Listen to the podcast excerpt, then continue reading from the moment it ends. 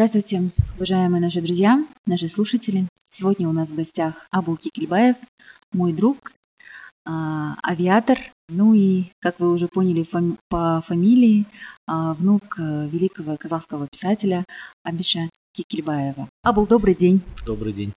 А, Спасибо большое, что вы согласились э, прийти на этот подкаст. На самом деле, действительно, спасибо большое за приглашение. Э, Очень интересный experience. Впервые. Да, впервые мы с тобой говорим на камеру. Столько всего на самом деле хочется спросить. Но для начала хотелось бы, чтобы а, ты рассказал о себе, о своем бэкграунде нашим а, зрителям, а, нашим слушателям, о том, как ты пришел именно в авиацию. На самом деле, очень все тривиально. А, После окончания школы у всех возникает вопрос. То есть не во время учебы в школу, к сожалению. А вот после, ближе к тому, когда ты в 11 класс заканчиваешь, встает вопрос, какая специальность тебя интересует, куда бы ты хотел поступить.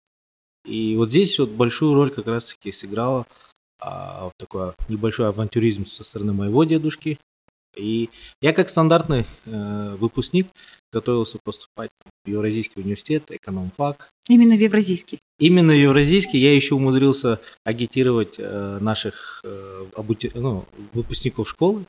То есть я, приходили выпускники школы, я еще э, Евразийском университете проходил подготовку для сдачи НТ. Мгм. И вот на, во время подготовки меня приглашали, и я вот э, в этом конференц-зале, актовом зале, умудрялся еще приглашать э, выпускников, своих, своих Мгм. же выпускников это, этого же года поступать, как и я, в Евразийский Своих же университет. одноклассников, Своих же одноклассников, соклассников. с одной школы. Ну, я учился в Нур-Султане, поэтому у нас там немного школ было, и мы, в принципе, выпускники, все друг друга знали. И Мгм. вот даже вот такой experience был. На самом деле, э, ну вот уже когда я сдал ЕНТ, и у нас такой вот с дедушкой разговор состоялся. А ты действительно хочешь получить экономическое образование? А, то есть вы хотели сначала поступить на экономиста. Ага. Вот. И на самом деле, э, вот у нас такой разговор состоялся, и я так, ну, сказал, ну, выбрал уже, надо теперь, раз уж выбрал, надо продолжать. И вот он вот эти нотки сомнений в моем голосе, видимо, услышал. И вот намекнул, есть вот э, другие специальности. А среди этих специальностей есть технические специальности. Мгм. А, ну, нефтегаз э, у меня в семье а, отец Мгм. работал в нефтегазовой среде, и он сказал, это уже, наверное, не так интересно. То есть пройденный этап, да? Ну, он, по крайней мере, считал, что нужна техническая специальность, и как один из вариантов он сказал, почему не пойти э, в Академию гражданской авиации, и если тебе понравится, ты потом сможешь продолжить э, в Академию гражданской авиации в Петербурге. И я вот поступил в Алмату, в Академию гражданской авиации, а, отучился на, по специальности эксплуатация воздушного транспорта, но у меня специальность инженер-авиадиспетчер. Мгм. Э, Но мы учились вместе с пилотами в одном потоке. То есть тогда, когда пилоты уходили на тренажеры и летали на самолетах, Мгм. мы уходили на диспетчерский тренажер, отрабатывали технологию работы диспетчеров и, соответственно, проходили практику уже а, на диспетчерских вышках. Мгм. Вот. вот так я, в принципе, и познакомился с авиацией. У меня корни из э, Мангостовской области, очень часто приходилось летать. Это не как сейчас, два с половиной часа. Приходилось летать на Ан-24, который там совершал промежуточные посадки э, в Кызларде, или если из Нурсултана вылетали, даже две промежуточные посадки в Ахтубе и в Атрал. Поэтому вот, э, с тех времен, а, возможно, и вот это заложилось. И вот по сегодняшний день, хотя я официально нигде э, как авиатор не числюсь в работе, Мгм. но я работаю консультантом, поэтому... Но а, мы знаем, с- что у вас очень шикарный опыт. Опыт именно, да, как казахстанский, так и международный опыт. Но вот я знаю, что вы начинали именно с э, авиадиспетчера вплоть до советника министра, да, если не ошибаюсь. На самом деле, там, каковую бы должность ни занимал, это на самом деле просто этап жизни.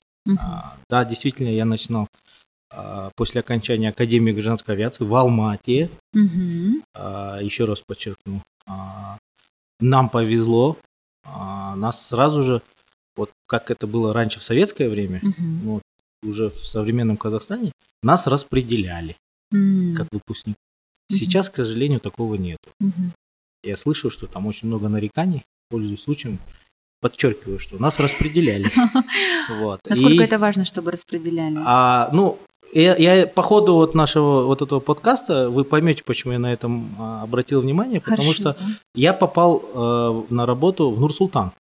Мгм. То есть по распределению, там, где я учился в школе, и после окончания университета я попал в тот же город. М. Э, И это я вот, это первая э, такая вещь, при распределении попадаешь туда, откуда ты как бы поступал. Родом. Поступал. Ну да, поступали, да. Вот. Это вот такая вещь, которая, к сожалению, сейчас у нас в авиации не сильно практикуется. Хотя я думаю, что это справедливая вещь. После вот того, как я попал на работу, а, буквально там через небольшой период, потому что меня за канал сажать было рано, я был совсем молодой, а мы проходили а, предварительную, как у нас в, авиации говорят, мы забудь все и, на- и давай будем изучать все с нуля опять. Это вот Окей. такая стажировка у нас была. И вот во время стажировки я э, прошел, ну или у нас как бы такой период был, э, отбирались на повышение квалификации э, по специальности аэронавигационная информация. Э, и я вот прошел вот отбор, и нас всех, там 8 человек в группе было, нас отправили э, учиться, повышать квалификацию в Рижский институт аэронавигации в Латвию. М. Это восьмимесячный курс. Ну да, э, Рижский, это, кажется, один из самых таких, да, ну, в советское время а, это был один из таких топовых вузов, и а, это было ну, достаточно престижно. На самом деле, на данный момент это частный вуз, Мгм. хотя достаточно э, они ну, Конкурентоспособный. конкурентоспособны в том плане, что они смогли выжить. Они Мгм. смогли переориентироваться, и вот достаточно много наших студентов, в том числе из Казахстана, из других постсоветских стран, они Да-да-да. учатся там, продолжают а, как бы свои многие династические такие семьи, они отправляют туда своих детей. Вот. Мгм. А, Вот после стажировки, как раз во время стажировки как раз таки, а, опять же, мне опять повезло. То есть а, одним из главных наших лекторов, наших преподавателей во время вот, вот этого повышения квалификации, стажировки, а, у нас был Вадим Аркадьевич Тумаркин. Такая легендарная личность у нас в авиации. Он очень много интересных новшеств на постсоветском пространстве, а, в частности в Казахстане внедрял. И вот а, он брал шефство над нами, был нашим таким первым, можно сказать, моим первым ментором. М. Вот он как раз-таки возбудил такие ну, качества, которые, наверное, сегодня каждому в жизни пригодятся. Да? То есть это любознательность, это интерес, то есть Такие софт-скиллы, да, soft которые skills, да, задавать сейчас- вопросы, даже если они а, Неудобные или- неудобные или, или не- глупые. глупые, да. Вот. э, И как раз вот благодаря ему мы смогли, э, ну, представляете, э, он тебя может с собой взять на работу, Мгм. и ты можешь целый день с ним провести на работе, на его рабочем месте, посмотреть, как он работает по-европейски. М. К сожалению, я у нас такого еще не видел, что какой-то там крупный руководитель, даже пусть какого-нибудь там а, среднего звена а, как бы подразделения, чтобы вот так с собой брал студентов и менторствовал над ним. И так, за ручку, да, водил. И каждого за ручку водил, знакомил, мы вместе с ним чай пили. И вот это вот мой первый ментор, можно так сказать, Мгм. Который дал путевку. И вот когда у нас закончился а, почти девятимесячный а, период обучения, он нам дал бумагу и сказал, напишите, а, что вы хотите мне сказать через 10 лет. Ну и вот мы ему написали такое эссе, там, я через 10 лет хочу внедрить это, переделать вот это, хочу, чтобы у нас в Казахстане было вот так, Мгм. хочу, чтобы э, вот там та система, которая у нас сейчас применяется, она там была поменя- поменять можно было. И вот То есть вы уже тогда поднимали это такие уже в вопросы, эс- да? это в эссе мы написали. Почему? Потому что мы видели, как у нас Ага. и как у них. И вот эту Мгм. разницу мы хотели а, убрать, потому что Мгм. а, у авиации это международный стандарт Мгм. а, в первую очередь. Так, ну, локальными правилами там далеко не уедешь. Мгм. Вот поэтому, уже вернувшись в Казахстан, как бы мне повезло, что большое внимание начали уделять именно аэронавигационной информации. И мы, нач- команда, вот, с которой мы вместе учились, а, нам дали возможность там, переделать сборник аэронавигационной информации. есть М. Он с, э, в свое время а, он подчинялся Москве, и суверенный Казахстан его буквально там в конце 90-х, начале 2000-х годов сам начал публиковать. М, Нам дали возможность новую редакцию сделать. А, Нам дали возможность создать подразделение, которое, вот вы представляете, э, дорожное движение. А вот теперь представьте, есть воздушное движение. И вот все правила А Для нас оно такая, такое абстрактное. абстрактное, да, но на самом деле там такие же дороги, такие же перекрестки и такие же а, на самом деле э, правила движения, Мгм. какие вот в автомобильном транспорте. И, к сожалению, вот эти все процедуры инструментального захода на посадку, вылета, они, ну, так получилось, что всегда делались в Москве, и мы как бы сами... Были как-то, да, э, Мы сами к этому не были подготовлены, у нас не было... спец- Были специалисты, но им не давали допуск к работе с такой информацией. И вот э, нам доверили, опять же, молодым ребятам, из-за большого количества замечаний, поступающих от иностранных авиакомпаний, э, сказали, почему мы сами не можем попробовать и сделать это. То есть у нас такой настрой был, мы хотим сами это сделать. Зачем нам энтузиазм такой, да? ну да, мы только закончили, нам дали возможность, дали инструменты, и мы ходили. Были такие смешные случаи, когда мы месяцами сидели у первого руководителя, чтобы утвердить этот документ. Он не, ну, он не доверял, он боялся. А, То есть он говорит, что за молокососы тут у меня в кабинете э, сидят часами и ждут, когда я их приму. То есть он ну, отвергал даже эту мысль, почему я должен их принимать. Вот. Э, И мы вот шаг за шагом доказывали, когда а, наш вот нац- так называемый национальный авиаперевозчик а, и их специалисты утвердили эти схемы. То есть они сказали, да, мы будем по ним летать, а, уже к нам другое стало отношение. мгм. И наши ребята начали делать эти все процедуры, схемы захода на посадку, а, с- как бы переделывать воздушное пространство в районах аэродрома, других аэропортах, всех аэропортах. Мгм.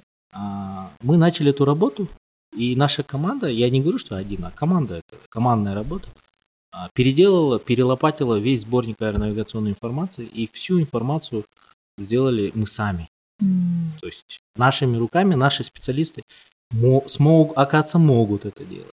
И не, и не нужно зависеть, да? И не нужно зависеть от кого-либо. Мгм. То есть нужны люди, и это очень важно. Я вот опять отсылку делаю к тому, что я изначально сказал, да. А, Образование это одно, но нужны люди, правильные люди. Правильно а, нужно, ну, вот в, в этой работе, в, в дизайне воздушного пространства, это не только математический склад ума, да, это еще и пространственное воображение. Зачастую ребята... Визуализация, да? То есть Э, вот ну, этого абстрактного Ну, пространства. вы знаете, каждый раз, э, вот мне ребята, ну, я вот, наверное, сейчас раскрою тайну, приходят и рассказывают, что они сделали шедевр. То есть Мгм. для них это не процедура, по которой летит самолет там из Нурсултана в Астану. Для них это на самом деле шедевр, э, для них это живопись, потому что они использовали там определенные механизмы, Инструменты. инструменты, использовали определенные возможности, которые дает вообще им дизайн воздушного пространства. То есть при дизайне воздушного пространства они там коридоры интересно использовали, высоты необычные Мгм. применили. И это все, вот вы, наверное, видите часто, что там над Алматой самолеты пролетают. Мгм. Это вот ребята рисовали так, чтобы сделать безопасно, чтобы Мгм. было меньше шума, чтобы в случае отказа авиационной техники самолет могли безопасно Посадить. посадить. Это Мгм. все берется во внимание при разработке аэродромных схем.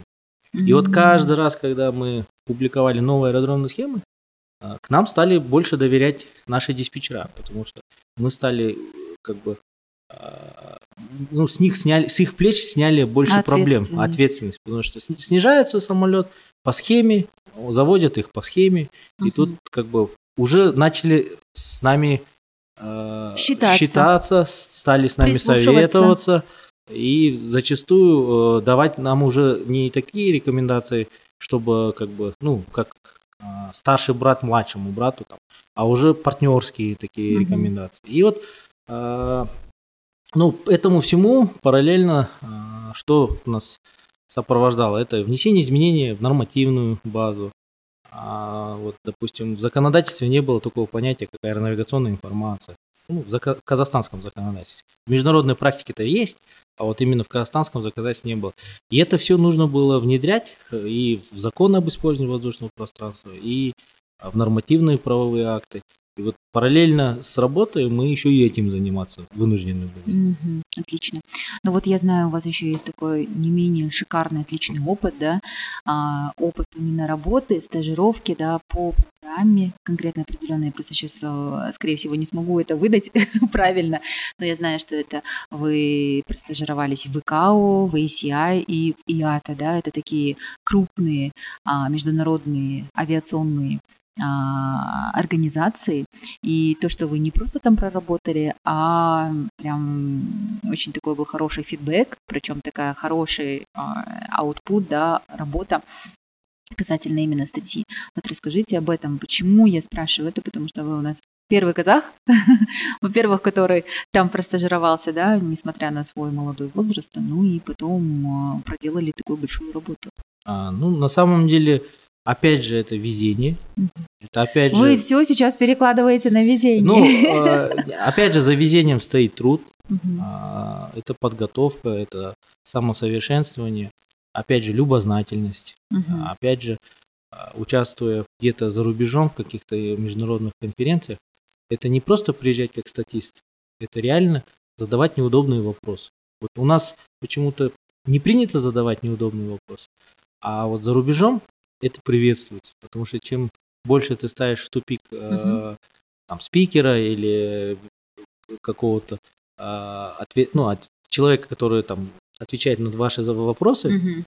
или опытом делится, или там что-то презентует, а для них это тоже опыт, потому что они всегда привыкли видеть это все под одним ракурсом, а когда ему задают вопрос, пусть это даже самый нелепый вопрос, а, они начинают на этот вопрос смотреть с другого ракурса. И, и искать ответы. Искать ответы. Вот угу. благодаря тому, что мы как э, члены Казахстан, как член угу. Международной организации гражданской авиации, э, мы были подотчетны Парижскому региональному центру. Угу. И в Парижском региональном центре э, мы участвовали в рабочей группе, которая как раз-таки занималась совершенствованием международных стандартов в области аэронавигационной информации. И как вот один из специалистов, который занимался аэронавигационной информацией, я зачастую представлял Казахстан. Mm-hmm. То есть не всегда мне, а, как руководителю делегации, отправляли, но я всегда участвовал в комиссии или в различных делегациях, которые ездили обсуждать те или иные вопросы. Mm-hmm. И вот тогда э, появилась такая возможность посмотреть, как в других странах, mm-hmm. задать специалистам, которые непосредственно в этих странах работают, такие неудобные вопросы. При этом я вот могу пример привести бывает, что специалист, но он некомпетентен или это не его область. Но он записывает вопрос и через неделю тебе присылает на электронный адрес ответ. А полностью а, подготовлен ответ. Я вот, вот благодаря вот таким электронным письмам, а, перепискам, даже некоторых людей в лицо не знаю, но получаю очень много такой достав... ценной, ценной, э, ценной информации, которую нигде никогда не получишь, потому что это все а, полученное благодаря опыту. Угу. Вот, к сожалению, а, из-за того, что Казахстан вот как бы далеко лететь в Париж, допустим, или еще какую-то европейскую страну, мы вот такой возможностью не пользуемся. Или наши, наши специалисты стесняются задать там глупые вопросы. То есть, в принципе, каждый специалист, который в Казахстане работает в сфере авиации, он может взять, написать письмо и получить на это ответ, или как? Тут надо все-таки понимать, что для этого нужно сначала взаимоотношения выстроить. Нетворкинг. Нетворкинг. А вот благодаря вот такой вот участию в этих различных совещаниях э, у тебя получается создать такой нетворк, а, и этот нетворк, он становится как большая семья, потому что это авиационная mm-hmm. семья, потому что они это не только что ты получаешь оттуда все время бенефиты, иногда просят и у тебя совета. И вот я как раз таки э, хотел похвалиться, да, ну это уже после того, как я ушел на учебу, э, я узнал, что вот Российская Федерация скопировала нашу систему, и mm-hmm. ребята, которые занимаются э, дизайном воздушного пространства, они ну, стали так, таким примером для Российской Федерации, и они, в принципе, создали такое же структурное подразделение, в принципе, э, такую же работу проделывают, и э, для них таким стартовой точкой это стал опыт Казахстана. То есть Потому что вот мы всегда считали, что вот в России, а вот, вот этот такой маленький факт, о котором не любят рассказывать или не афишировать, он действительно был. Не афишируют в Казахстане или в России? А я думаю, что с обоих сторон, потому что у нас в Мгм. Казахстане об этом, наверное, не знают, я вот первый раз об этом говорю. А в России, наверное, не любят об Ну, может быть, не было такого повода об этом говорить. А Мгм. на самом деле приезжали, стажировались, смотрели, изучали, а, делились фидбэком С России. из России специалисты. То есть мы их, то есть это такая же нормальная работа, когда мы получали консультацию, а, мы точно так же приставали, задавали вопросы, и точно, вот точно так же и у нас получали информацию. Мгм. И вот благодаря такому опыту а, люди совершенствуются. Вот опять же, я не говорю, что это я или это командная работа. Вот мне повезло работать в правильной команде, где люди а, реально заинтересованы, Эксперты они а, с правильными ценностями. Но, ну, нам повезло, потому что мы все были молодые, там плюс-минус все одинакового возраста, и у нас такой был здоровый competition между собой. М, Давай я сделаю схему, а вот давайте мы сделаем с помощью новых каких-то возможностей. И каждый раз вот это совершенствование, причем это такой здоровый competition. мгм. И у нас он очень сильно поощрялся. Я лично его очень сильно поощрял. А, иногда ребята возмущались, а почему я это должен делать? А потом они понимали, что это дает возможность им самосовершенствоваться. Там, если, допустим, где-то не хватало опыта, там, мы отправляли на стажировки и старались всегда это все компенсировать. Я не знаю, как это сейчас происходит, потому что я Круто. уже сколько, 8 лет из этого выпал. Но я а, продолжил вот, а, благодаря тому, что, опять же, я любознательный, я увидел, что в ИКАО начали, э, ну, это такая программа, это что-то подобное вот, президентскому кадровому резерву. Мгм. И я так думаю, что наш президент это подсмотрел в ООН, когда он работал. Мгм. Потому что ИКАО это тоже одна из организаций а, в системе ООН. И вот в системе ООН есть такая а, подготовка Young Professional. есть Мгм. А, Объявляется конкурс, по этому конкурсу набираются люди, и им дают возможность работать а, в различных организациях в системе ООН. Мгм. В центральном секретариате ООН, в, филя- э, в региональных их офисах. И вот ИКАО по этому же опыту, это их нормальная практика, они Собирают, причем со всего мира, То да? есть заявки поступают, то есть объявляется открытый конкурс. Мгм. Это многие считают, что это какой-то такой закрытый там между собой. На самом, Эксклюзивный на самом деле это туда. открытый конкурс. Э, на- Когда я сдавал, а, поступило больше тысячу заявок. а, Рассматривалось более там, из 500 или из 600 заявок рассматривалось. И выбрали троих кандидатов, из которых двое были приняты на работу в ИКАО. Круто. И один из них вы. Один из них я, и у меня был как бы моя коллега, она гражданка Китая. М. Ну вот так звезды сошлись, почему я вот теперь понимаю, на тот момент там все очень прагматично. Им нужно было издавать а, новый а, стандарт, ну, аэронавигационные правила, так и э, делать новую редакцию приложения к Чикагской конвенции. Вот э, опять же, а, скорее всего, я так понимаю, что они спросили совета в Парижском бюро своем, Мгм. им И сказали, что получается- есть вот молодые ребята, которые этим занимаются, и вот, пожалуйста, можете рассмотреть кандидатуры. И я брал рекомендательное письмо Мгм. именно. а, Тогда он был э, техническим а, специалистом? Мгм. а сейчас заместитель руководителя Парижского бюро Ильхана Нахмадова. Вот, рекомендательное письмо. И действительно, а, благодаря, возможно, этому рекомендательному письму, бл- благодаря, возможно, моему опыту работы, а, меня взяли на один год а, на стажировку. Ну, это на самом деле официальная работа в течение года на международную организацию гражданской авиации. И в течение этого года есть возможность получить опыт в трех а, авиационных крупных организациях, как Международный совет аэропортов, ACI, Да. и ИАТА. А, Вот в каждой из этих организаций я поработал 4 месяца, но моя основная задача во время работы в ИКАО, это была первая, это э, из- новая редакция 15 приложения, подготовка новой редакции и э, А подготовка как прям называется вот это 15 приложение? службы аэронавигационной информации. Мгм. То есть, опять же, это то, на что я учился изначально, то, что я прошел вот небольшой свой опыт, а, и Ну, на самом деле, вот я поясню, то есть, когда делаешь стандарт, вообще в ИКАО больше 12 тысяч стандартов. 19 приложений к Чикагской конвенции и 6 а, процедур, аэронавигационных процедур.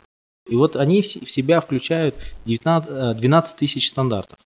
Вот э, со временем стандарты устаревают, и все время необходимо а, их обновлять. Ну, скорее в год... всего, в связи с развитием технологий, экономики вот и всего САИ, сопутствующего. САИ это была традиционно такая закостенелая специальность, где все делалось на бумаге, угу. все отправлялось телеграфом.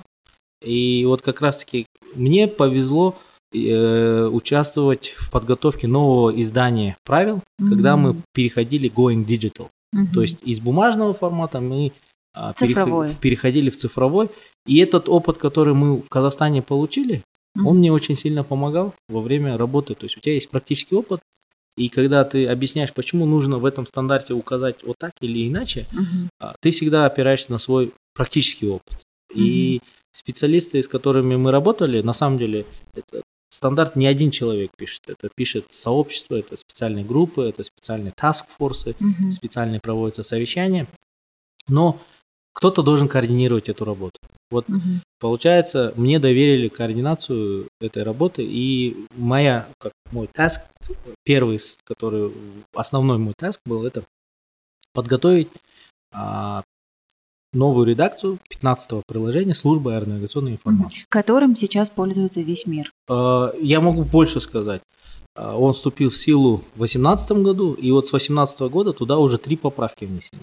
Mm-hmm. То есть это непрерывный процесс. В течение года вот 12 тысяч процедур или стандартов, а, из них 6-8% обновляется ежегодно. Это mm-hmm. постоянный труд, кропотливый всех членов а, ИКАО и вот в том числе специалистов. Такой постоянный work in progress, Это да? постоянный процесс, он mm-hmm. не останавливается. Best practice, все, э, этот best practice сразу стараются Наложить, внедрить, внедрить. Э, чтобы всем остальным государствам можно было этим пользоваться. Mm, хорошо. Ну вот смотрите, э, после всей этой стажировки, годовой работы да, в международных организациях вы возвращаетесь в Казахстан. Ну, на самом деле немножко не так. Ага. Меня пригласили и попросили остаться и продолжить эту работу. Но так как э, это международная организация, и не всегда у них бюджет утверждается раз в три года, mm-hmm. и меня попросили, на, как раз это был год э, проведения ассамблеи, и мне попросили остаться еще на два года, чтобы в следующую ассамблею пересмотреть бюджет и включить мою заработную плату. Остаться там, в Монреале, В Монреале, да. да. Угу. Ну вот на эти два года попросили, обратились э, к Казахстану, правительству Казахстана, угу. чтобы э, меня как от государства отправить а, в секретариат ИКАО. Угу. То есть это тоже международная практика, когда государство отправляет своих специалистов для помощи международной организации. Вот. Но за свой счет. За счет государства. Угу. То есть вот поэтому я стал советником министра. Не потому что я, опять же, там хотели, хотели или я там каким-то образом прошел. Вот поэтому я стал советником министра для того, чтобы потом меня туда откомандировать. Угу. Но, к сожалению, там произошли процедуры изменения. А, компетенция от президента была передана правительству, не оказалось соответствующего бюджета, и не смогли меня отправить вот, на два года в ИКАО. И таким образом я остался уже как советник министра. Ну, хотя я как советник министра, наверное, больше мешал, чем помогал. Потому что у меня всегда была своя точка зрения. Которая... И всегда были вопросы неудобные. Ну, вот опять же, это вот та, тот опыт, э, задавать вопросы, если не получать ответы, пытаться самому найти ответы на эти вопросы. И если э, не можем найти эти ответы, предлагать свои какие-то варианты решения. Но наш менталитет это не приемлет. Ну, вот поэтому я там поработал два года и ушел э, на производство, угу. э, ушел в казаэронавигацию, опять же, благодаря тому, что в казаэронавигации, э, наверное, боялись изменений, э, и я там поработал достаточно непродолжительный период и понял, что новых внедрений и новых свершений там не, не, не получится в ближайшее время ждать. И пошел работать уже для того, чтобы, опять же, получить непосредственно производственный опыт в аэропорт. Угу. А, как раз это начало пандемии, и в аэропортах была очень сложная ситуация, как экономическая, так и вообще производство просто встало. В перестали целом во всем мире, в принципе, Ну. и аэропорты, и туристическая да, среда, она очень сильно пострадала. Да. Авиакомпании. Вот поэтому э, у меня получилась такая возможность получить опыт э, работы в аэропорту, и я совершенно там, не задумываясь, а, тем более это столичный аэропорт, один из самых крупных аэропортов, и я вот благодарю воз- судьбу за такую возможность, почти полтора года поработал, посмотрел, как все это устроено а, изнутри, Изнутри. пощупал. Вот, то есть те практические знания, которые были у меня, они обросли уже не- непосредственно производственными. То есть теория, практика. Вот э, и Мгм. я на сегодняшний день стараюсь вот все время совмещать теорию с практикой. Мгм. Вот благодаря вот такой возможности а, вот получилось.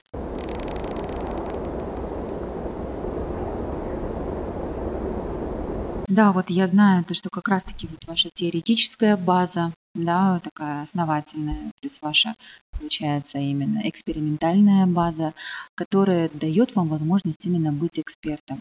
И вот в последнее время вы часто пишете о проблемах в казахстанской авиации. Ну, это хороший вопрос. Почему я пишу? На самом деле, э, вот это опять тот же вопрос. Я когда не могу найти ответ на вопросы, э, я начинаю их искать. Если их Мгм. нету там у нас, а, ну, как правило, почему я вот последнее там большое интервью я давал, говорил, что нету на- у нас стратегии развития Да. отрасли. А, Потому что, я, ну, как специалист, я хочу найти ответы на те вопросы, которые у меня возникают. И в первую очередь я хочу найти это в стратегическом документе. А его у нас просто нет. У нас вообще никакого, Нет. никакой стратегии е- развития. Есть стратегия развития страны, есть национальный план, но отдельной отрасли нет. Мгм. Вот. Поэтому и ну, возникают вопросы, и приходится эти вопросы открыто задавать. И, к сожалению, а, кроме комментариев, что там псевдоэксперт, там какой-то еще там эксперт, там а, ответов внятных никто не дает. Я даже вот специально участвую в различных э, комиссиях, там, чтобы ну, просто быть внутри системы и понять вообще, где, что, как. А, оторванность а, вот, нашего руководства, отрасли. Я понимаю, что сейчас новый Казахстан, и для Казахстана есть, наверное, наиболее, ну, другие более важные приоритеты. да. И, наверное, авиация, она не в том, э, не в том списке приоритетов. Вот. Но на самом деле для Казахстана авиация имеет очень а, перспективное как бы, направление развития, потому что Казахстан находится между Европой и Азией. А транспортные со- сообщения, которые, тем более в тех вот, в той ситуации, как у нас сейчас, когда половина воздушного пространства закрыта с севера, а, дают новые возможности. И вот поэтому... У наших соседей, да, если быть точнее. Да, Мгм. вот. И эти все возможности мы не используем. И вот я поэтому стараюсь, то есть у меня нету как там, вода сквозь, пальцы. да, у меня нету задачи там кого-то оскорбить или я пытаюсь обратить внимание, что есть вот здесь возможность, что есть вот такие возможности, что эти возможностями нужно пользоваться, использовать наше географическое положение, использовать наши возможности а, ну, по транзиту Мгм. не только пассажиров, да, но и других возможностей. И вот поэтому я стараюсь на это обращать э, внимание именно, ну, как комментирую какие-то там а, моменты. Вот последние, а, вот из того, что вот меня сейчас очень сильно волнует, так как я занимался а, разработкой аэродромных схем, а, во время разработки аэродромных схем очень важно, а, чтобы было, не было в районе аэродрома препятствий. Мгм. И вот, э, как вот вы знаете, одним из сопутствующих факторов э, авиакатастрофы с авиакомпанией Бекейр Фокер 100 э, как раз-таки послужило здание, которое было за забором. Вот. Э, Вот поэтому я эти вопросы и поднимаю, что этот вопрос, он... Которые, по идее, по правилам не должно было Ну, быть. тут вопрос не по правилам. У нас правило так написано, что в одном случае это, за это несет ответственность один орган, в другом случае местные Мгм. исполнительные органы. И, к сожалению, а, об этом ну, не говорят, хотя этот вопрос, он не первый год на повестке. Э, И вот я вот поэтому хочу, чтобы обратили внимание. И дошло до того, что э, вот, вот этот контроль за препятствиями забросили, и теперь вынужден один из наших аэропортов уменьшать там э, свободную зону от препятствий. Э, им там дают рекомендацию сделать э, удлинение полосы с другого торца. Это все финансовые затраты, которых можно было бы избежать. избежать. И э, когда государство просто старается ну, закопать, ну, спрятать голову и, к сожалению, не отвечая на вопросы, которые к ним я с думаю, что к ним оби... идут. Кото... Mm-hmm. Я, я там не стараюсь там задеть на личности перейти. Это те вопросы, которые влияют реально на безопасность полета. И это проблема не только в частном одном аэропорту. К сожалению, а, доступ к инфраструктуре в районе аэропорта легче, и, соответственно, а, зона аэропорта, она привержена к тому, чтобы застраивалась быстрее, чем, допустим, другие районы в городах. Почему? Ну, ну потому ну, что... Это как бы нам, простым людям, да, которые Ну, потому что есть доступ к газу, есть доступ к воде, есть доступ к электричеству. Зачем это тянуть в другой конец города, если вот mm-hmm. рядом с аэропортом можно получить тех условия и подключиться? Mm-hmm. Ну, если там еще, наверное, коррупционная составляющая. А вот смотрите, вы сказали касательно стратегии. Какие есть такие классные авиационные стратегии у каких стран? Ну, я вот, э, когда работал в ИКАО, я очень сильно стал изучать, э, ну, то есть я до этого изучал спутниковую навигацию. И вот во время работы я специально попросился сам, опять же, мне никто угу. там не говорил, я сам попросился в такой в проект, называется «Навигация, основанная на характеристиках, PBN». Угу. То есть я участвовал на всех совещаниях, а, рядом с секретарем этой рабочей группы, ходил, помогал ему писать эти все материалы для совещаний. И э, вот спутниковые технологии, они позволяют сократить э, расходы на определенные навигационные средства. Угу. То есть, ну у нас, допустим, ни, ни для кого не секрет, что там радиомаяки это изобретение 1930-х годов прошлого, ну 30-е года прошлого века. И, к сожалению, они у нас до сих пор используются. И вот хотелось бы, чтобы использовались более современные технологии, чтобы люди, да, есть вопросы к э, безопасности полетов, нельзя просто выключить э, те навигационные средства, которые у нас в наличии, и сразу слепо переходить. Но необходимо быть э, в одном направлении с, с, развивающимися технологиями. То есть у нас есть такая возможность в Казахстане эти передовые технологии уже у себя внедрять. А когда у нас просто из года в год перекладывают, и, допустим, ну, приоритет построить новый какой-то объект, вместо того, чтобы инвестировать в перспективные технологии, я считаю, что это наше упущение. Потому что э, я сам был, по, сам занимался этим проектом, когда к нам пришли иностранцы, сказали, у вас есть вот э, возможности Байконура, и мы хотели бы их использовать. И там входной билет для Казахстана был совсем недорогой. Сейчас весь мир этой технологией пользуется. Flight Radar 24. Да, да, да, кстати. Вот. Весь, мир, него... весь мир этим пользуется, а у нас была возможность быть э, ну, одним из компаний, которая являлась бы владельцем этих спутников. Вау. Но и мы это мы это не смогли, мы не смогли сделать, потому что два ведомства между собой не смогли решить вопрос чьей собственности это будет находиться. То есть, э, ну, до такого элементарного доходит это сейчас, спустя там 10 лет, мы так смотрим и удивляемся этому. А в тот момент Илона Маска не было с его, э, Спутником. С, с его э, ракетами. Да-да-да. Вот. И они тогда на нас смотрели. Говорили, что, ребята, вот у вас же Байконур, давайте мы будем использовать ваши возможности, вашу долю в Байконуре для того, чтобы запускать наши ракеты. А сейчас уже прошло время. Да, благодаря Илону Маску это все быстрее завертелось, закрутилось.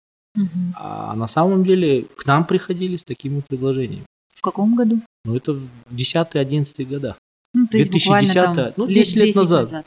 Да, 10 лет тому назад мы об этом даже мечтать не могли, потому что у нас не было ни специалистов, ни возможностей. Но когда мы только начали, вот я вот я этим с того времени слежу, и вижу, что, вот, допустим, это сейчас работает во всем мире, и, допустим, в США, в Канаде а, верхнее воздушное пространство полностью контролируется не с помощью радиолокаторов, как сейчас Мгм. у нас, Мгм. а с помощью EDSB, это так, EDSB, ну, Мгм. Augmentation система EDSB. Мгм. Вот. И это нормально. Э, Поэтому вот таких возможностей, на самом деле, это я простой один элементарный пример. На самом деле их километр. Мгм. И когда мне говорят, что мы лучше инвестируем там какое-то производственное помещение или какие-то... Построив здание. какое-то большое здание, Да. либо отремонтируем Да. его. Я всегда вижу, что это упущенные возможности технологического превосходства. А, у нас были и другие возможности, когда Европа делала а, свою систему спутникового GPS, Мгм. а Европа для вокруг над Европой повесила отдельный спутник стационарный, и этот сигнал дополняет. Мгм. Почему бы у нас это не сделать? У нас был тоже Кассат, он тоже Мгм. стационарный, там было достаточно э, возможностей это все сделать. И один и тот же, кстати, производитель Мгм. Кассат, ну, ну его отменили вообще, за нена- потому что ну, не знали, как его загрузить. А вот возможность была загрузить его навигационными средствами, а И это уже не зависеть, да, ни от кого. это как? Мы просто получаем, э, вот система GPS, она определенную точность имеет, а вот наличие своей системы, которая позволяет ее уточнять, позволяет э, заводить воздушные суда без наземного оборудования. Мгм. Которые требуют еще расходов А наземное оборудование, оно постоянно требует обслуживания, у него есть ресурсы, его нужно менять периодически, и оно очень дорогое. Мгм. А по стоимости оно сопоставимо с одним спутником. То есть э, то, как это со времен наших дедов делалось, Мгм. Мгм. да, может быть, нельзя отказываться, но можно было бы сейчас уже пок- Потихонечку внедрять, потихоньку да. хотя бы тестировать эти возможности и смотреть, насколько это у нас э, реально реализуемо. Мгм. И, допустим, у нас говорят сейчас развитие там малых аэропортов. Мгм. Вот сейчас для каждого малого аэропорта необходимо э, внедрять многомиллиардные навигационное оборудование. Это нагрузка. И, по, и поэтому, если бы мы имели бы это, возможно, можно было бы э, удешевить и открытие малых э, таких региональных маленьких аэропортов. Мгм. Поэтому я говорю, что нет стратегии. Если бы это было в стратегии, мы бы эту стратегию бы применяли. А так это очень удобно. У нас это запланировано на 16 год, и до сих пор некоторые вещи не внедрены. И я вот Мгм. недавно слышал, что опять откладывается до 25 года из-за отсутствия, ну, из-за последствий пандемии. Мгм. Конечно, если мы на это тратим деньги, а не учим людей, которые могут это сделать, то, конечно, наверное, мы и в 25 году не сможем. У нас получается и нехватка специалистов отсюда, да, вытекает А, вопрос. ну, опять же, про специалистов. Это вот такой вопрос. У нас буквально недавно назначили иностранца, вместо уш- ушедшего иностранца, руководителем. Брит- а- Вместо британца американку, если Нет, быть э, точнее, да? Сейчас или- уже, э, по-моему, румына. А, уже румыны. Окей. То есть, э, вот. А почему так происходит? Гриффитс ушел. Ушел, верно, а да? вместо него Ага. Каталин Радо. Я вместе с ним в ИКАО работал. Ага. Э, о нем очень высоко оце- а- отзываются наши коллеги по ИКАО. Но вопрос не в том, что я против Каталина, да. У меня вопрос такой рождается. Мы уже за 30 лет не смогли подготовить нормальных специалистов, Либо специалистов, которые бы возглавили. которые Да, могли бы возглавить. могли бы. А я могу Менеджмент. больше сказать. Э, Вот никому не секрет, вот мои коллеги по цеху, да, по авиации, они скажут, у нас очень много специалистов, которые работают за рубежом. Мгм. Очень много пилотов, которые летают за рубежом. И инженеров, которые имеют допуски на западную технику. Мгм. Это вот то, что нас 10-20 лет тому назад упрекали, что у нас нету специалистов. А сейчас у нас есть эти Мы специалисты. вырастили их. Они, Или они уже сами своим они ходом сами, сами вырастились, их никто им не давал возможности, даже когда можно- пробились. Они вопреки, Мгм. Вопреки. вопреки, они... А, И вот я горжусь, что у нас есть э, такие ребята, я стараюсь многих там у себя в социальной сети отслеживать их, их развитие, как они развиваются. Но мне очень обидно, что государ... у нас в авиационной отрасли ни одного, ни на одной руководящей должности нет специалиста. Ни одного. Вы имеете в виду казахстанца. Не то, что казахстанцы, вообще нету специалистов. Вот возьмем а, Печально. Я, я это думаю, что это намеренно, потому что специалист, он может всегда объяснить, почему так или иначе. Пусть он плохой специалист, может быть, у него нету достаточно менеджерских навыков, но откуда они у него возьмутся, если его не подпускают псевдоавиаторы? Угу. Да, вот сейчас у нас в руководстве, я открыто могу сказать, у нас в руководстве сидят, они получили авиационные дипломы, потому что их все время этим... А, Пугали.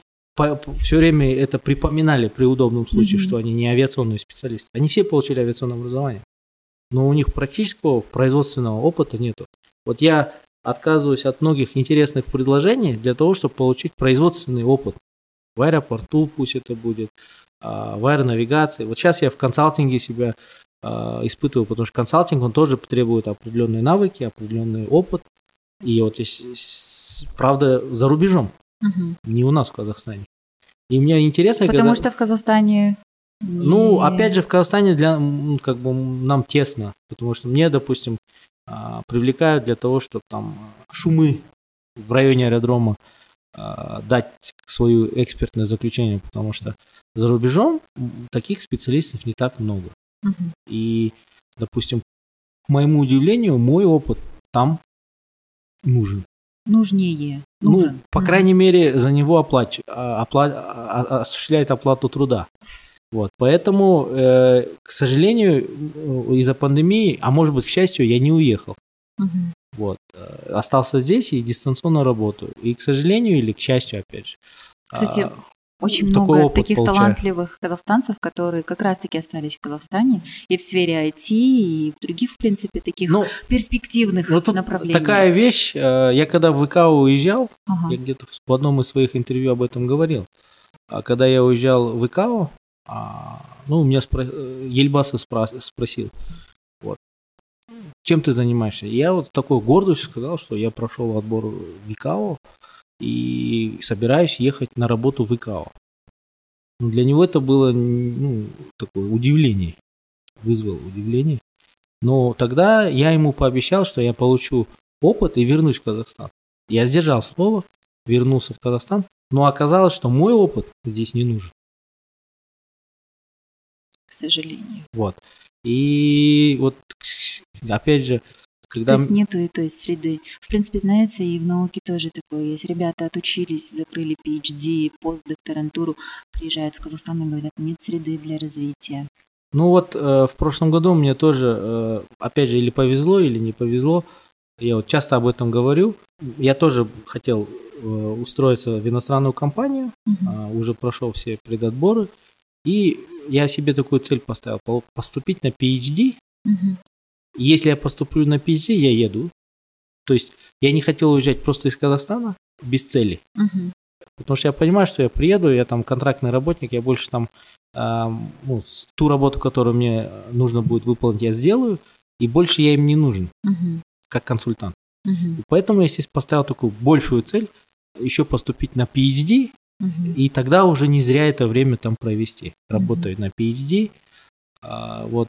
И вот такая возможность, к сожалению, из-за вот ограничений э, по COVID э, я не смог поступить на PhD. Э, учеба в PhD откладывалась. И, то есть я поступил на PhD, но из-за ковидных ограничений она была, ну, как postponed. Mm-hmm. Вот.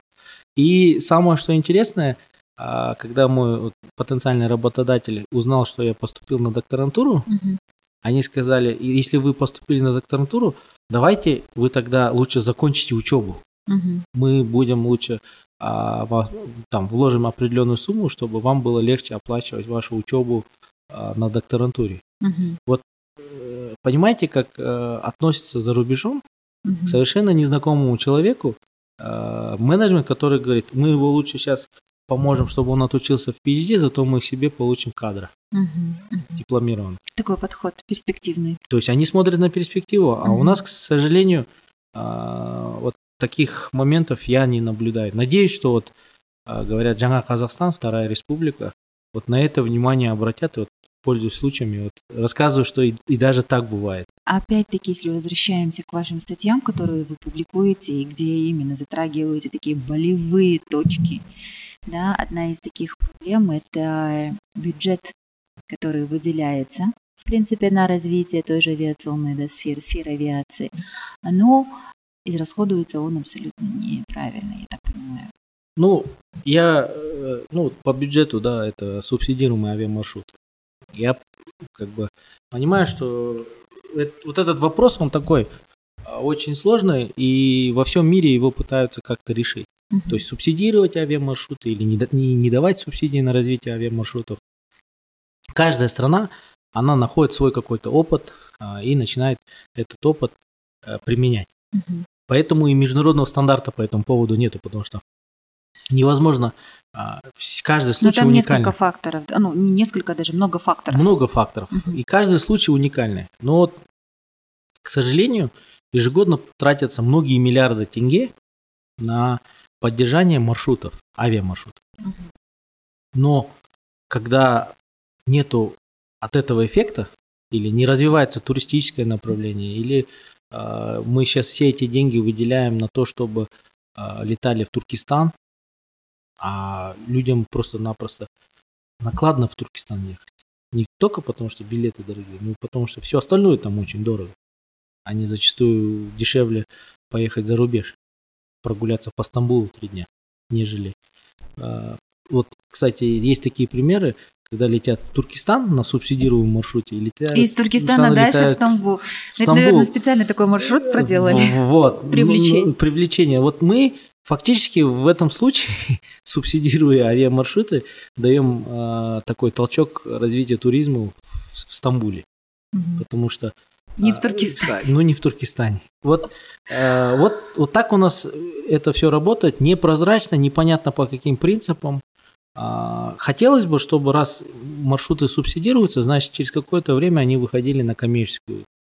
Если они не выходят на коммерческую выгоду, значит, действительно этот маршрут, наверное, тяжело Не раскачать. востребован, не Он и не нужен. востребован, или не нужен, или типы самолетов не достают. Но нужно изучать этот вопрос.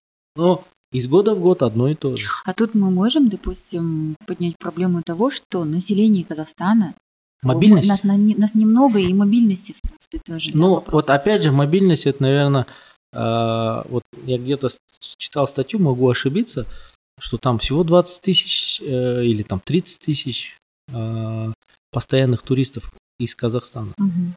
А остальная черта, ну, я в цифре могу ошибиться, ну, там порядок такой совсем аж вообще э, такой разбег большой. Это вот так 152 семьи владеют 50% ВВП Казахстана. Вот примерно такая же ситуация.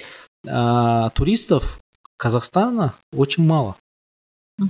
И здесь, наверное, мобильность не потому, что у нас там чего-то не хватает, просто уровень жизни такой. Нужно работать над тем, чтобы а, поднимать уровень жизни нашего Но населения. тут уже все совокупно.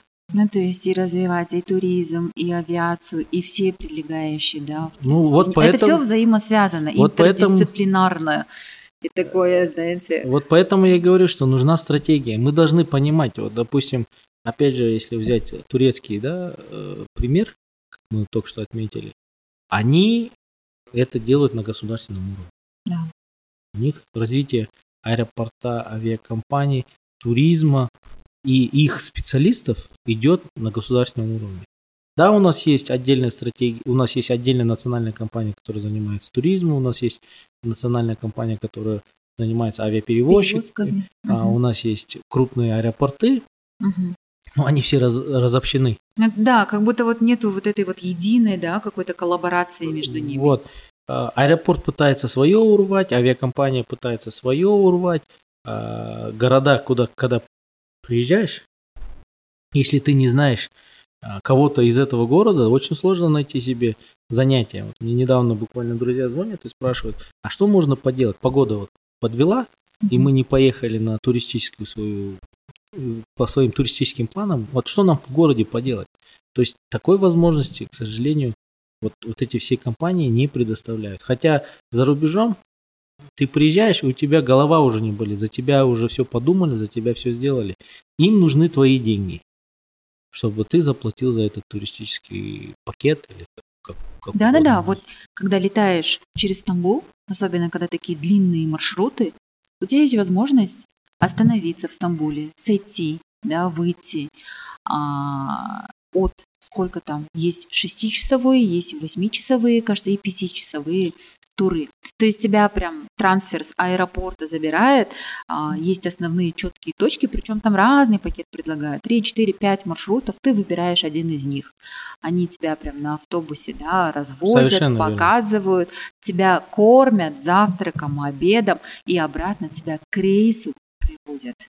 Вот, совершенно верно. И это стоит копейки. Это пакетное деле. предложение. К сожалению, у нас этого нет. Я простой, простой, обычный элементарный пример приведу. А, Вот у нас багаж. да. А, Каждый килограмм багажа, он платный. Мгм, Ну, это было сделано для лоукостеров. мгм. Но почему-то не лоукостеры этим начали применять это у себя прям.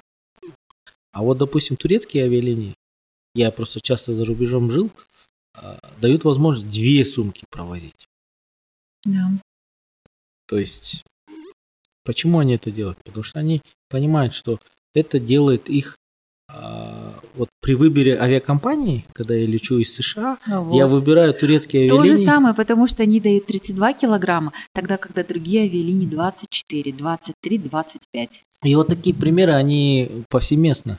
Мгм. К сожалению, а, у нас, вот почему я говорю, стратегии нет. Вот в этой стратегии мы должны понять, куда мы все вместе хотим добраться, и что каждый из нас может сделать для того, чтобы эту цель выполнить. У нас разрознены, у каждой своей корпоративная стратегия, а если вот почитать эти корпоративные стратегии, там, каждое предприятие, да, ну, такое ощущение складывается, что они написали эту стратегию для того, чтобы в таком-то году потратить столько-то денег, в таком-то году потратить столько-то денег. А единой цели этих стратегий ни у кого нету. Да. Для чего они эту стратегию делали, непонятно. Вот а, я себе вот изучаю, вот часто у меня такая возможность есть, в свободное время, смотрю, как э, иностранные компании, страны э, готовят свои стратегии развития. И у них есть всегда ссылки на э, UN Sustainable эти показатели. То есть они хотят выполнить их. Мгм. Это не государство, это компании стремятся Мгм. к тому, чтобы их выполнить. И у них есть общие цели со стратегиями, которыми э, их Ну да, государство, устойчивое развитие, оно очень вот они в приоритете. стремятся к этому.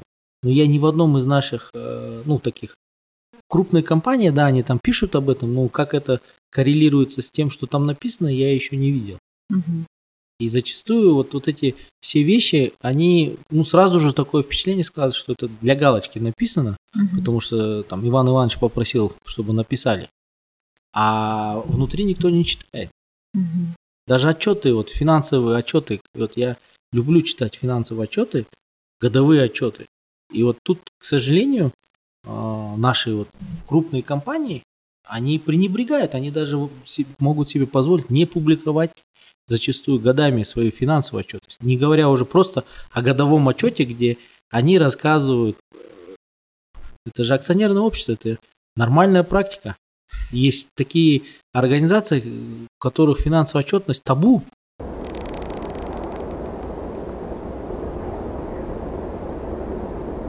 Я не знаю, это государственные, как бы иногда зачастую тайна. какая-то государственная тайна у предприятия, которое принадлежит государству. Ну, так не должно быть. Э, Поэтому вот эта открытость, она должна присутствовать. Поэтому я, когда смотрю финансовую отчетность аэропорт, Прозрачность, да. финансовую отчетность аэропортов или авиакомпаний, или вот а, организаций в отрасли, то мне очень часто возникают вопросы, которые И неудобные. вы об этом открыто пишете. Неудобные вопросы. Я об Мгм. этом иногда э, задаю CEO или кому-то из руководства эти вопросы, но, к сожалению, ну да, вот, э, кста- кстати, иногда бывает, что э, на мои вопросы открыто отвечают. Мгм. Но зачастую не те люди, которым они были адресованы. М. Вот. И вот это вот э, ну, вызывает такое чувство, что или люди не уверены в себе, Мгм. или им нечего ответить. То есть вот, другого оценки этому не дашь. Ну, я вот помню, за прошлый год, конец прошлого года, в этом году вы опубликовали достаточное количество таких больших, причем а, материалов и давали интервью, где вы, в принципе, открыто задавались вопросом. Ну, один из таких вопросов, который меня везде всегда сопровождает, это ценообразование наших авиабилетов. Да. К сожалению, у нас нету специалиста, который мог бы объяснить, что такое динамическое ценообразование. Я Мгм. прекрасно понимаю, что такое динамическое ценообразование, и то, что у нас настроено динамическое образование на получение максимальной выгоды. Мгм. Но при динамическом ценообразовании, а, кроме максимальной выгоды, Мгм. есть еще и загрузка самолетов. И если посмотреть загрузку наших самолетов, наших авиакомпаний, она не всегда на том уровне, как вот даже ми- среднемировом уровне. Вот эти вопросы я вот, кстати, первый раз открыто говорю о том, что загрузка наших самолетов, ну, за исключением Флайерстана, Мгм. она на очень низком уровне, если взять мировую, среднемировую. Мгм. И если сравнить э, отчеты финансовые э, или годовые отчеты наших авиакомпаний, зачастую этой информации нету. Хотя это первая э, информационная такая вещь, которую авиакомпании должны о себе В публиковать, первую очередь предоставлять. предоставлять, Мгм. потому что любой консультант, пусть даже а, авиационный, любой специалист, он смотрит на загрузку. Мгм. Если мы летаем на загрузке меньше 70%, извините, что мы делаем неправильно? Где у нас проблемы? Или рейс не востребован? Или мы Либо пустых цены сам- возвышенные. Вот поэтому, когда говорят динамическое ценообразование, не надо людей вводить В заблуждение. в заблуждение. Динамическое ценообразование может быть настроено на то, чтобы получать максимальную выгоду Ага. или максимальную загрузку самолета. И если посмотреть... А, А с- мы выбираем первый а путь. так как у нас самолеты, э, сре- средняя загрузка самолетов там не превышает 70%, я не говорю про Флайерстан, у Флайерстана с этим все нормально. А, но Но при этом тарифы, но, но при этом тарифы очень высокие, потому что маршруты. И вот, к сожалению, лоукостеры, они, мы все как бы надеялись, что это будет помощь для ну, таких региональных аэропортов наших, Мгм. но они сделали таким образом, чтобы эти аэропорты еще хуже. Потому что Мгм. они вы, выжили из них минимальные тарифы. К сожалению, при таких минимальных тарифах аэропорты выживать не могут. Ну вот тариф за один билет. Ну, в одном билете там же э, расписано, сколько тариф аэропорта. Если это внутренний рейс, он регулируемый. Если он международный, он нерегулируемый. Зачастую э, все тарифы у нас зарегулированы, а, и аэропорт не может внутренние рейсы самовольно увеличивать или уменьшать. То есть Мгм. это регулирует. И эти тарифы, на самом деле, насколько мне, э, я изучал этот вопрос, в Казахстане одни из самых низких. Вот парадокс, говорят, что ушли КЛМ, ушли Люфганза, а на самом деле наши тарифы ниже были. А ушли почему? Потому А- что поддержать, скорее всего. А ушли, по, по всей видимости, из-за того, что а, не могут наши аэропорты конкурентные услуги пока оказывать, как вот это делает для себя Аэростана. Мгм. То есть таких много вопросов, которые открыто никто не задает. И когда, допустим, я эти вопросы озвучиваю, а, не всегда люди даже ну, задаются этим вопросами. Потому что вот динамическое ценообразование наших авиабилетов, даже депутаты отвечают. Потому что у нас динамическое ценообразование авиабилетов. И все на этом. И все думают, что это правильно. А на самом деле э, динамическое ценообразование зависит от того, как вы настроите. Если там сидит большое количество а, ин- ну, как искусственного интеллекта, который может посчитать, что в день X спрос на этот э, билет будет такой, и они могут тариф уже за два месяца э, ставить такой, который не самый низкий. Мгм. Вот этого никто не проверяет, к сожалению.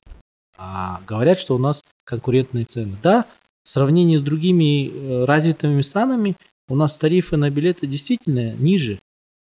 Но извините, давайте со- со- сопоставим наш ВВП или средний заработок. Мы там никогда не сможем с ними сопоставить, сравниваться. Конкурировать. Поэтому, если государственной стратегии нету, э, мы не можем даже какие-то бенчмарки привести. Соответствуем Да, мы, не соответствуем. Кто в лес, кто по дрова. И я так понимаю, а, это выгодно а, тому руководству, которое сейчас регулирует отрасль. Потому что их за это не накажешь. И они никакие, там они себе придумали KPI, да? Ну что такое KPI? Количество перевезенных пассажиров. Количество, они никак не влияют на количество перевезенных А тут нужен пассажиров. качественный показатель. Но тут нужны другие показатели. Эти показатели, к сожалению, вот загрузка самолетов это хороший показатель, но он, к сожалению, скрывается. А то, что как бы естественный прирост идет, потому что у нас э, другой транспорт стал недоступен, или автомобильным транспортом не добраться, или железнодорожный транспорт э, сутками идет. И здесь показывает, что у нас вырос э, пассажиропоток или там количество самолета километров. Ну, это уже просто э, можно даже никакого с- с- статистику не собирать, можно просто плюс 5 или плюс 10 процентов. Это естественный прирост, который у нас есть. Вот говорят сейчас сумасшедший поток воздушный у нас над Казахстаном, там, в связи с тем, что наш северный сосед закрыл свое воздушное пространство. Да мы только вернулись к показателям 2019 года. Хотя могли бы. Хотя, Больше. хотя можно было бы использовать другие инструменты привлечения, делать э, наше воздушное пространство более гибким. А, даже вот просто, э, сами представьте, до сих пор авиакомпании получают разрешение на использование воздушного пространства нашего. Там какой-то клерк принимает решение, лететь ему или не лететь. Это тоже у авиакомпании вызывает такое, ну, мягко говоря, э, недоумение. То есть они хотят летать, а мы тут им выставляем, пожалуйста, предоставь, пожалуйста, перечень документов. Весь мир борется за эти самолеты, а мы их гоняем в какие-то э, Бюрократические рамки. бюрократические рамки. И на самом деле э, это Что они и непривлекательно. убегают. Это, это очень непривлекательно с нашей стороны. То, что кто-то летает, мы там э, хвастаемся, что у нас поток пошел. Да это э, временный поток. У нас таких потоков много было, когда случались и другие конфликты вооруженные. Там, и Пакистана, и Индии э, извергались э, различные вулканы. Надо работать над тем, чтобы это был постоянный, Постоянный. поток. Мгм. Эпизодические там, да, есть ограничения в виде ветра, есть ограничения в виде разрешения на пересечение там, границы и тому подобное. Вот над этим надо работать, над гибкостью нашего воздушного пространства. Не надо там, у нас очень много различных э, военных объектов, которые нужно облетать. Это все сказывается на привлекательности нашего воздушного пространства. А воздушное пространство наше на самом деле э, еще потенциал, потенциал не исчерпан. У Мгм. нас еще есть как минимум пятикратный запас. И вот э, когда наши диспетчера, управляющие воздушным движением, а, они зашиваются и не, ну, то есть они, вот опять же такой пример, а, меня, наверное, сейчас диспетчера будут ненавидеть. Раньше я спокойно летал, потому Мгм. что я знал, что в смене есть достаточно опытные диспетчера, Мгм. которые могут, в принципе, э, в нужный момент э, взять управление на себя и справиться. Мгм. Но, к сожалению, э, в последнее время э, таких достаточно опытных специалистов становится все меньше и меньше. И то, что уровень наших специалистов э, не такой высокий или не такой, как бы хотелось бы высокий, это говорит о том, что у нас э, они зашиваются при таком потоке. А что будет, если мы будем использовать, да, еще Если мы больше? будем увеличивать наш потенциал и загружать наше воздушное пространство, тогда, возможно, нужно будет наши подходы менять. И Вот, пользуясь случаем, а, вот эти вещи я хотел проговорить. А, Потому что на самом деле, если не вкладывать в человеческий капитал, Human resource. А, технология может не справиться. Вот, э, есть такие сигналы, я не хочу сейчас сгущать краски, но вот то, что опытных специалистов не ценят или недооценивают, к сожалению, приводит к очень по- печальным последствиям. И вот я хотел, пользуясь случаем, еще раз отметить, что необходимо находить правильный баланс. Да, нельзя идти на, э, наперекор там определенным условиям, но надо находить баланс.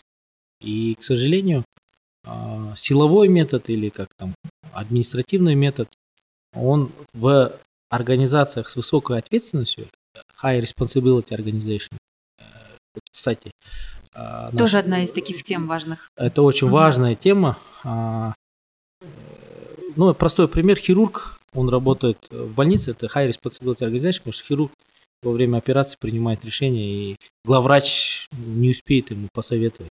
Пока Или- соберется этот консилиум, консилиум, человек это, уже может ну, скончаться. Да. Вот у авиадиспетчеров и пилотов а, примерно работа такая же. Они работают э, в очень Высокая ответственность. А, high responsibility, и они должны уметь принимать правильные решения и очень быстро. В таких критических. Крити- То есть в- в достаточно критически. А для того, чтобы они могли спокойно развиваться, необходимо им создавать условия. Я вот сегодня, ну, перед тем, как к вам сегодня сюда прийти, э, читал статью, и как раз-таки там говорилось, что различные методы обучения а, авиационного персонала. То, что у нас в 1935 году потребуется два раза больше авиационных специалистов. И как их за такой короткий уже задаются таким вопросом, что там еще 13 лет до 35 года, а уже а их задаются- обучить еще и чтобы они стали опытными, не просто уже там, сегодня задаются этим вопросом а, многие международные эксперты, и они об этом уже открыто говорят. Но, к сожалению, опять же, я этого у нас пока не наблюдаю. То отношение, которое э, к нашим специалистам, а это вот, опять же, отмечу, high responsibility, э, оно, конечно, требует большого пересмотра подходов. Действительно, такая смотришь, и уже так грустно стало от Ну, я не хочу всего того, что происходит. Нет, не то чтобы даже грустно, а грустно то, что мы так вот а, небрежно относимся к, э, ко всему, в принципе, что это образование, что это наука, что это авиация. В принципе, во всех отраслях, во всех сферах, которые у нас есть в Казахстане, везде есть свои вот эти вот большие пробелы, Ну, вот белые пятна. благодаря тому, что мы их освещаем, благодаря тому, что я почему сгущаю краски для того, чтобы на это внимание обратили. Я не говорю, что у нас совсем плохо. Я говорю о том, что на эти вещи необходимо обращать внимание и делать правильные акценты. Мгм. Потому что а, уже Мгм. есть э, потенциальные конфликтные моменты. Мгм. И если вовремя это все сейчас не обратить на это внимание, то завтра конкурентоспособность будет гораздо ниже. А это, соответственно, приведет к тому, что мы не сможем конкурировать с нашими ближайшими соседями, не говоря уже о крупных Игроках. игроках этого рынка. Тем более здесь у нас гегемония, и у нас такие крупные страны между ними, поэтому да, действительно сложно. А, Абу, спасибо большое за такую насыщенную информационно а, беседу. Мне бы теперь хо- хотелось бы все-таки и поговорить о вашем детстве, о дедушке. А времени осталось у нас не так много, но тем не менее, вот расскажите, как э, проходило ваше детство, поскольку вы росли именно с дедушкой.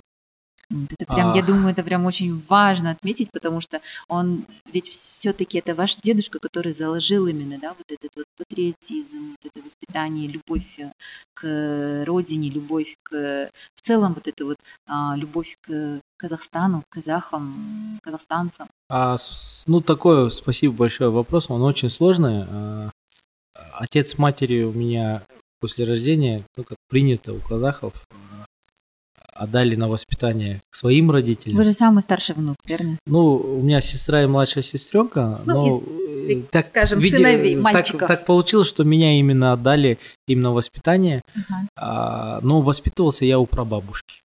Я последний м, правнук, которого наша прабабушка воспитывала, и достаточно до ну, старших классов школы а, я э, как бы рос а, в семье бабушки с дедушкой под присмотром прабабушки.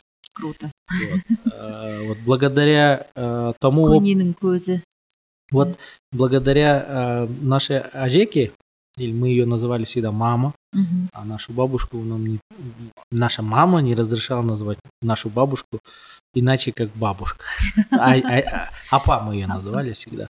Вот, э, вот, да, действительно, мы, я просто вырос в этой среде, когда прабабушка, представляете, ей там уже за 80, м, с- больше 90 лет, и она э, как бы следила за тем, чтобы там ее сын вовремя покушал, чтобы он был опрятно чисто одет, чтобы у него ботинки были начищены. Это вот такой большой пример, который навряд ли э, можно получить там в сегодняшних реалиях. Но вот наша прабабушка, она, к сожалению, покинула нас э, в таком достаточно глубоком возрасте, но до последнего дня она а, заботилась о своем сыне. И вот как она заботилась о своем сыне, я хотел бы, чтобы наши матери заботились о своих сыновьях. Это такой большой пример. Поэтому мне, как внуку, а, было комфортно расти в среде, где много гостей, это казахские традиции, это всегда очень интересные Беседы. беседы это такие обмен такими очень, ну, я просто вырос э, в такой ауре, как раз получали э, независимость. Я уже тогда, ну, помню эти первые Мгм. годы независимости, когда там а, переживания были, там я там заходил в комнату, Тревоги. Заходил в комнату дедушки для того, чтобы а, считать его там Настроение, настроение, эмоции. и передать их там прабабушке, чтобы она уже там принимала решение, вот, э, там, звать на ужин или не звать на ужин. Ну, а, дедушка, я просто запомнил, что у нас дедушка очень много читал книг. Мгм. А, Нам порой не разрешалось заходить ни в его кабинет. Во время ужина нам прабабушка не разрешала мешать ему ужинать, потому что у него было мало времени, он должен был успеть поужинать, э, выпить чай и пойти работать. То есть а, за этим очень чутко следила баб, а, наша Ажек, мамашка, а затем уже наша бабушка. Мгм. Вот. э, Но э, из того, что у меня в памяти осталось, то, что дедушка, не знаю, как других, когда к нему в кабинет заходишь, если он даже был там занят очень сильно, он никогда не ругал.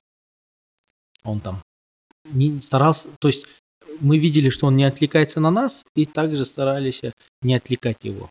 Мгм. И, ну, зато вот эта аура, да, когда в кабинете он сидит, читает книгу или э, видишь, как он пишет, а у нас дедушка, он мог писать очень много и до поздней глубокой ночи, и зачастую ну, вот меня отправляли для того, чтобы там как-то отвлечь его от вот этого, от этой работы, чтобы он хотя бы несколько часов отдохнул, поспал.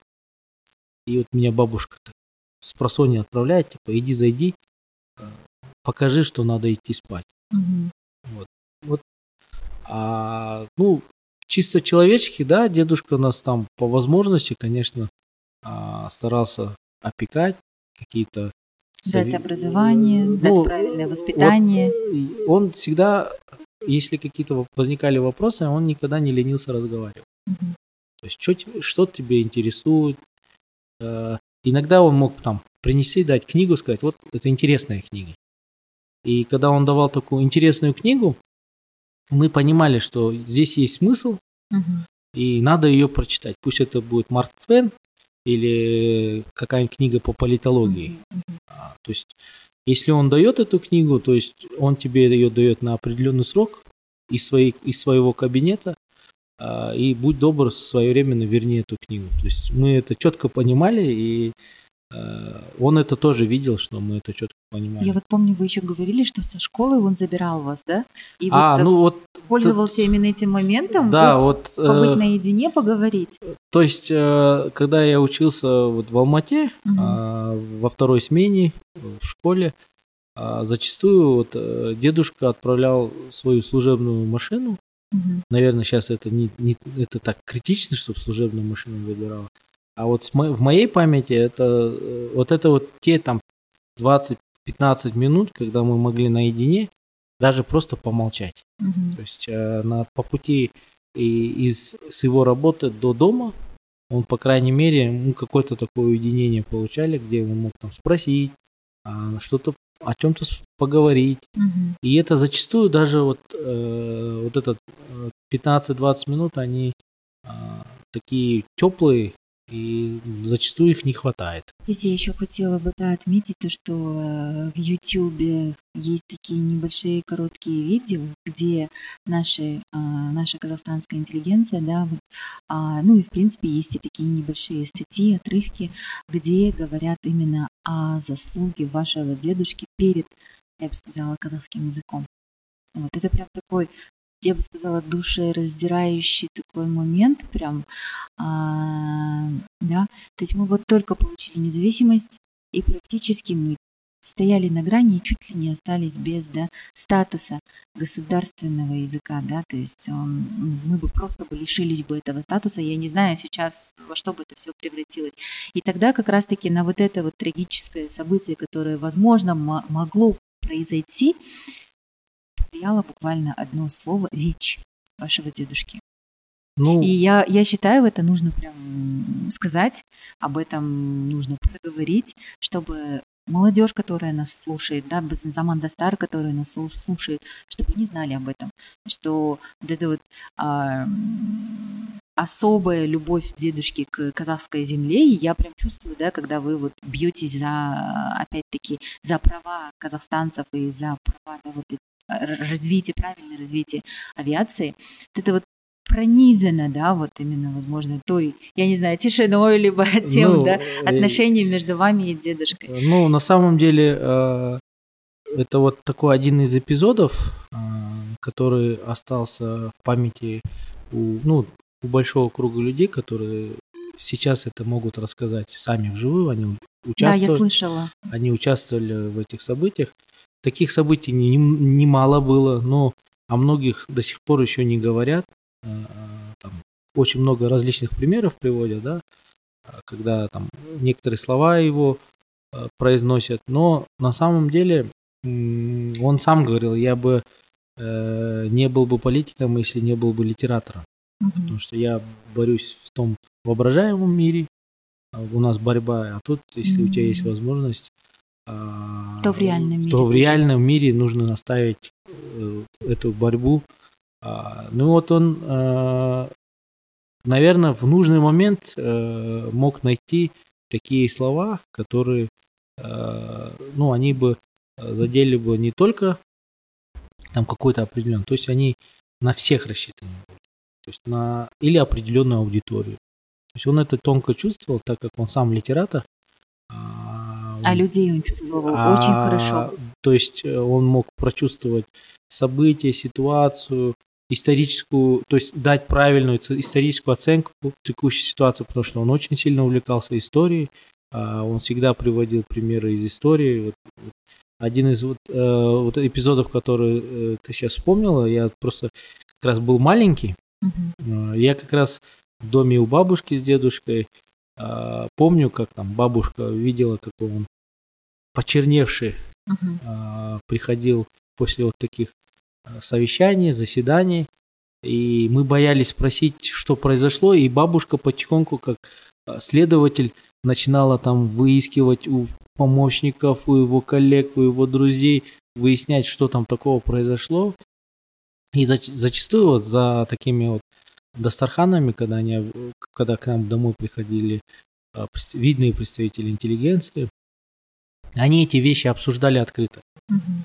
Вот. И, ну, по воле случая, по, иногда был свидетелем таких событий. И на самом, на самом деле это такие тяжелые беседы, а, когда обсуждаются, ну, быть или не быть, или а, есть ли будущее а, вот, там, завтра. Потому что события, разворачивались, события разворачивались э, совершенно по-разному. А, и нельзя было, вот как ты говоришь, там, если бы одним словом ему не удалось бы а, переубедить. Или остановить ход событий. Да, или который... поменять этот ход событий, то, конечно, очень сложно судить, что было бы сейчас. Но, опять же, это не труд только его одного, личный. Это труд, опять же, той эпохи, тех людей той эпохи, потому что они были единомышленниками. А у них тогда, ну, представляете, ә, независимость которую нам біздің ата бабамыз аңсап жүрген ә, тәуелсіздігімізді қолына ұстаған адамдар. Оны дұрыстап ә, пайдалану мәселесі ұстап қалу бағалау. Ұстап қала ұстап қалу отан отаншыл болмаса оларға қиын болатын еді. Сондықтан сондай адамдардың қасында болған. Мен осы жерде осы сөзді айтқан сөзін оқып кеткім келеді да. Қазақша жазылған. Сондағы иә айтқан түйін сөзі сол жиында жиналыста бүкіл жаңағы парламентте. Қанша жүз проценті қырық проценті қазақ қалған алпыс проценті ол басқа енді өкілдері болды ғой. ол енді тарихи Иә, ма- тарихи жағы- мәліметтер бар шығар. Негізінде а, ол ол жерде а, депутат болған да жоқ. Ол а, ресми мұхтар шақырылған шаханов сол кезде шақырып бір түйін бір ауыз сөз сәбике осы жерде қазір айтпасаңыз біздің тағдыр шешіліп жатыр деген сияқты нәрсе болды ғой. болған иә. Иә сонда бүйтеді да әбіш кекілбаев ағамыз. Немене кеше елбасына күн туғанда тар үйімізден орын ығысып төрімізді ұсынғанда тартыңқы дастарханымызды алдарыңызға жайып жарты күлшемізді ауыздарыңа ұстағанда біз күндердің күнінде бүгінгідей демократия орнатып кемелденеміз деп жатқан заманда өз үйімізде өз тілімізде сөйлеу үшін мына сіздерден бүйтіп жылап тұрып рұқсат сұраймыз ғой деп ойлап па едік дейді. Зал тым тырыс шыбынның ызыңы естіледі. Үзіліс жарияланды. Үзілістен соң қазақ тіліне жеке дара мемлекеттік мәртебе беру туралы қайтадан дауыс беру ұйғарылды. Көпшілік дауыспен заң қабылданды. Ақ түйенің қарны жарылды. Бұл тарихи шешімде бұл тарихи шешімді ешқашан ұмытуға хақымыз жоқ дейді сауытбек иә қателеспесем осыны жаңағы суреттеп естелік ретінде жазып кеткен. Сонда енді былай бір ә, тебіренсіз бұны оқу мүмкін емес та мысалы. Сондай бір қиын жағдайда осылай ә, аманатты алып шықты қазақ тілінің мәртебесін. Енді шын айту керек осындай ой пікірлерін ә, жабық түрде одан да қиындау ой пікірлерін айтамын. Мынау енді жұрттың алдында ә, ойламастан ә, енді дай- дайындықсыз ә, айтқан сөзі ғой. Осыдан кейін ол ә, уақыт сұрап ә, олар әдейі бір ма- енді мақала ма әлде бір ә, сұхбат жасап соны түсіндім- түсініктемесін бәрін ежелгі уақытқа барып сол аристотельден бастап кеңірек берген. Сол кең рет кең сұхбатты берген осы осы әңгімеден кейін. Сол әңгімеден кейін мына ә, екі екі тілдің біреуі мемлекеттік тіл болған екіншісі ә, ресми ре- енді аралас. а- ресми аралас араласуға арналған. арналған тіл болғандықтан а, оны енді қазір қайта қайта қозғап жатыр қазіргі осыны ә, еске алып жатқаным менің ойымша ол да бір себебі бар. Себебі біз тарих тарихта болған жағдайды ескере отырып келешекте де осындай ә, ұстанымда болу керек. ұстанымда болу керек. Оның үстіне осы шешімдерді қабылдағанда осындай жағдайларды ұмытпау керекпіз. А ендігіде енді а, оң шешімін табатын ойдамын. Бірақ негізінде а, тіл мәселесі өте күрделі мәселе. Оны оңаша осылай бір отырып шеше алмайтын ол бәрімізге де күмәніміз жоқ- белгілі күмәніміз жоқ сондықтан бұл мәселеге енді белсенді қатысып оны ә, енді ағаларымыз қатары Мгм. үлкен солар енді шеше, шеше алатынын менің күмәнім жоқ Ну, возможно, наверное, на этой а, ноте хотелось бы завершить наш сегодняшний с вами а, эпизод, нашу беседу.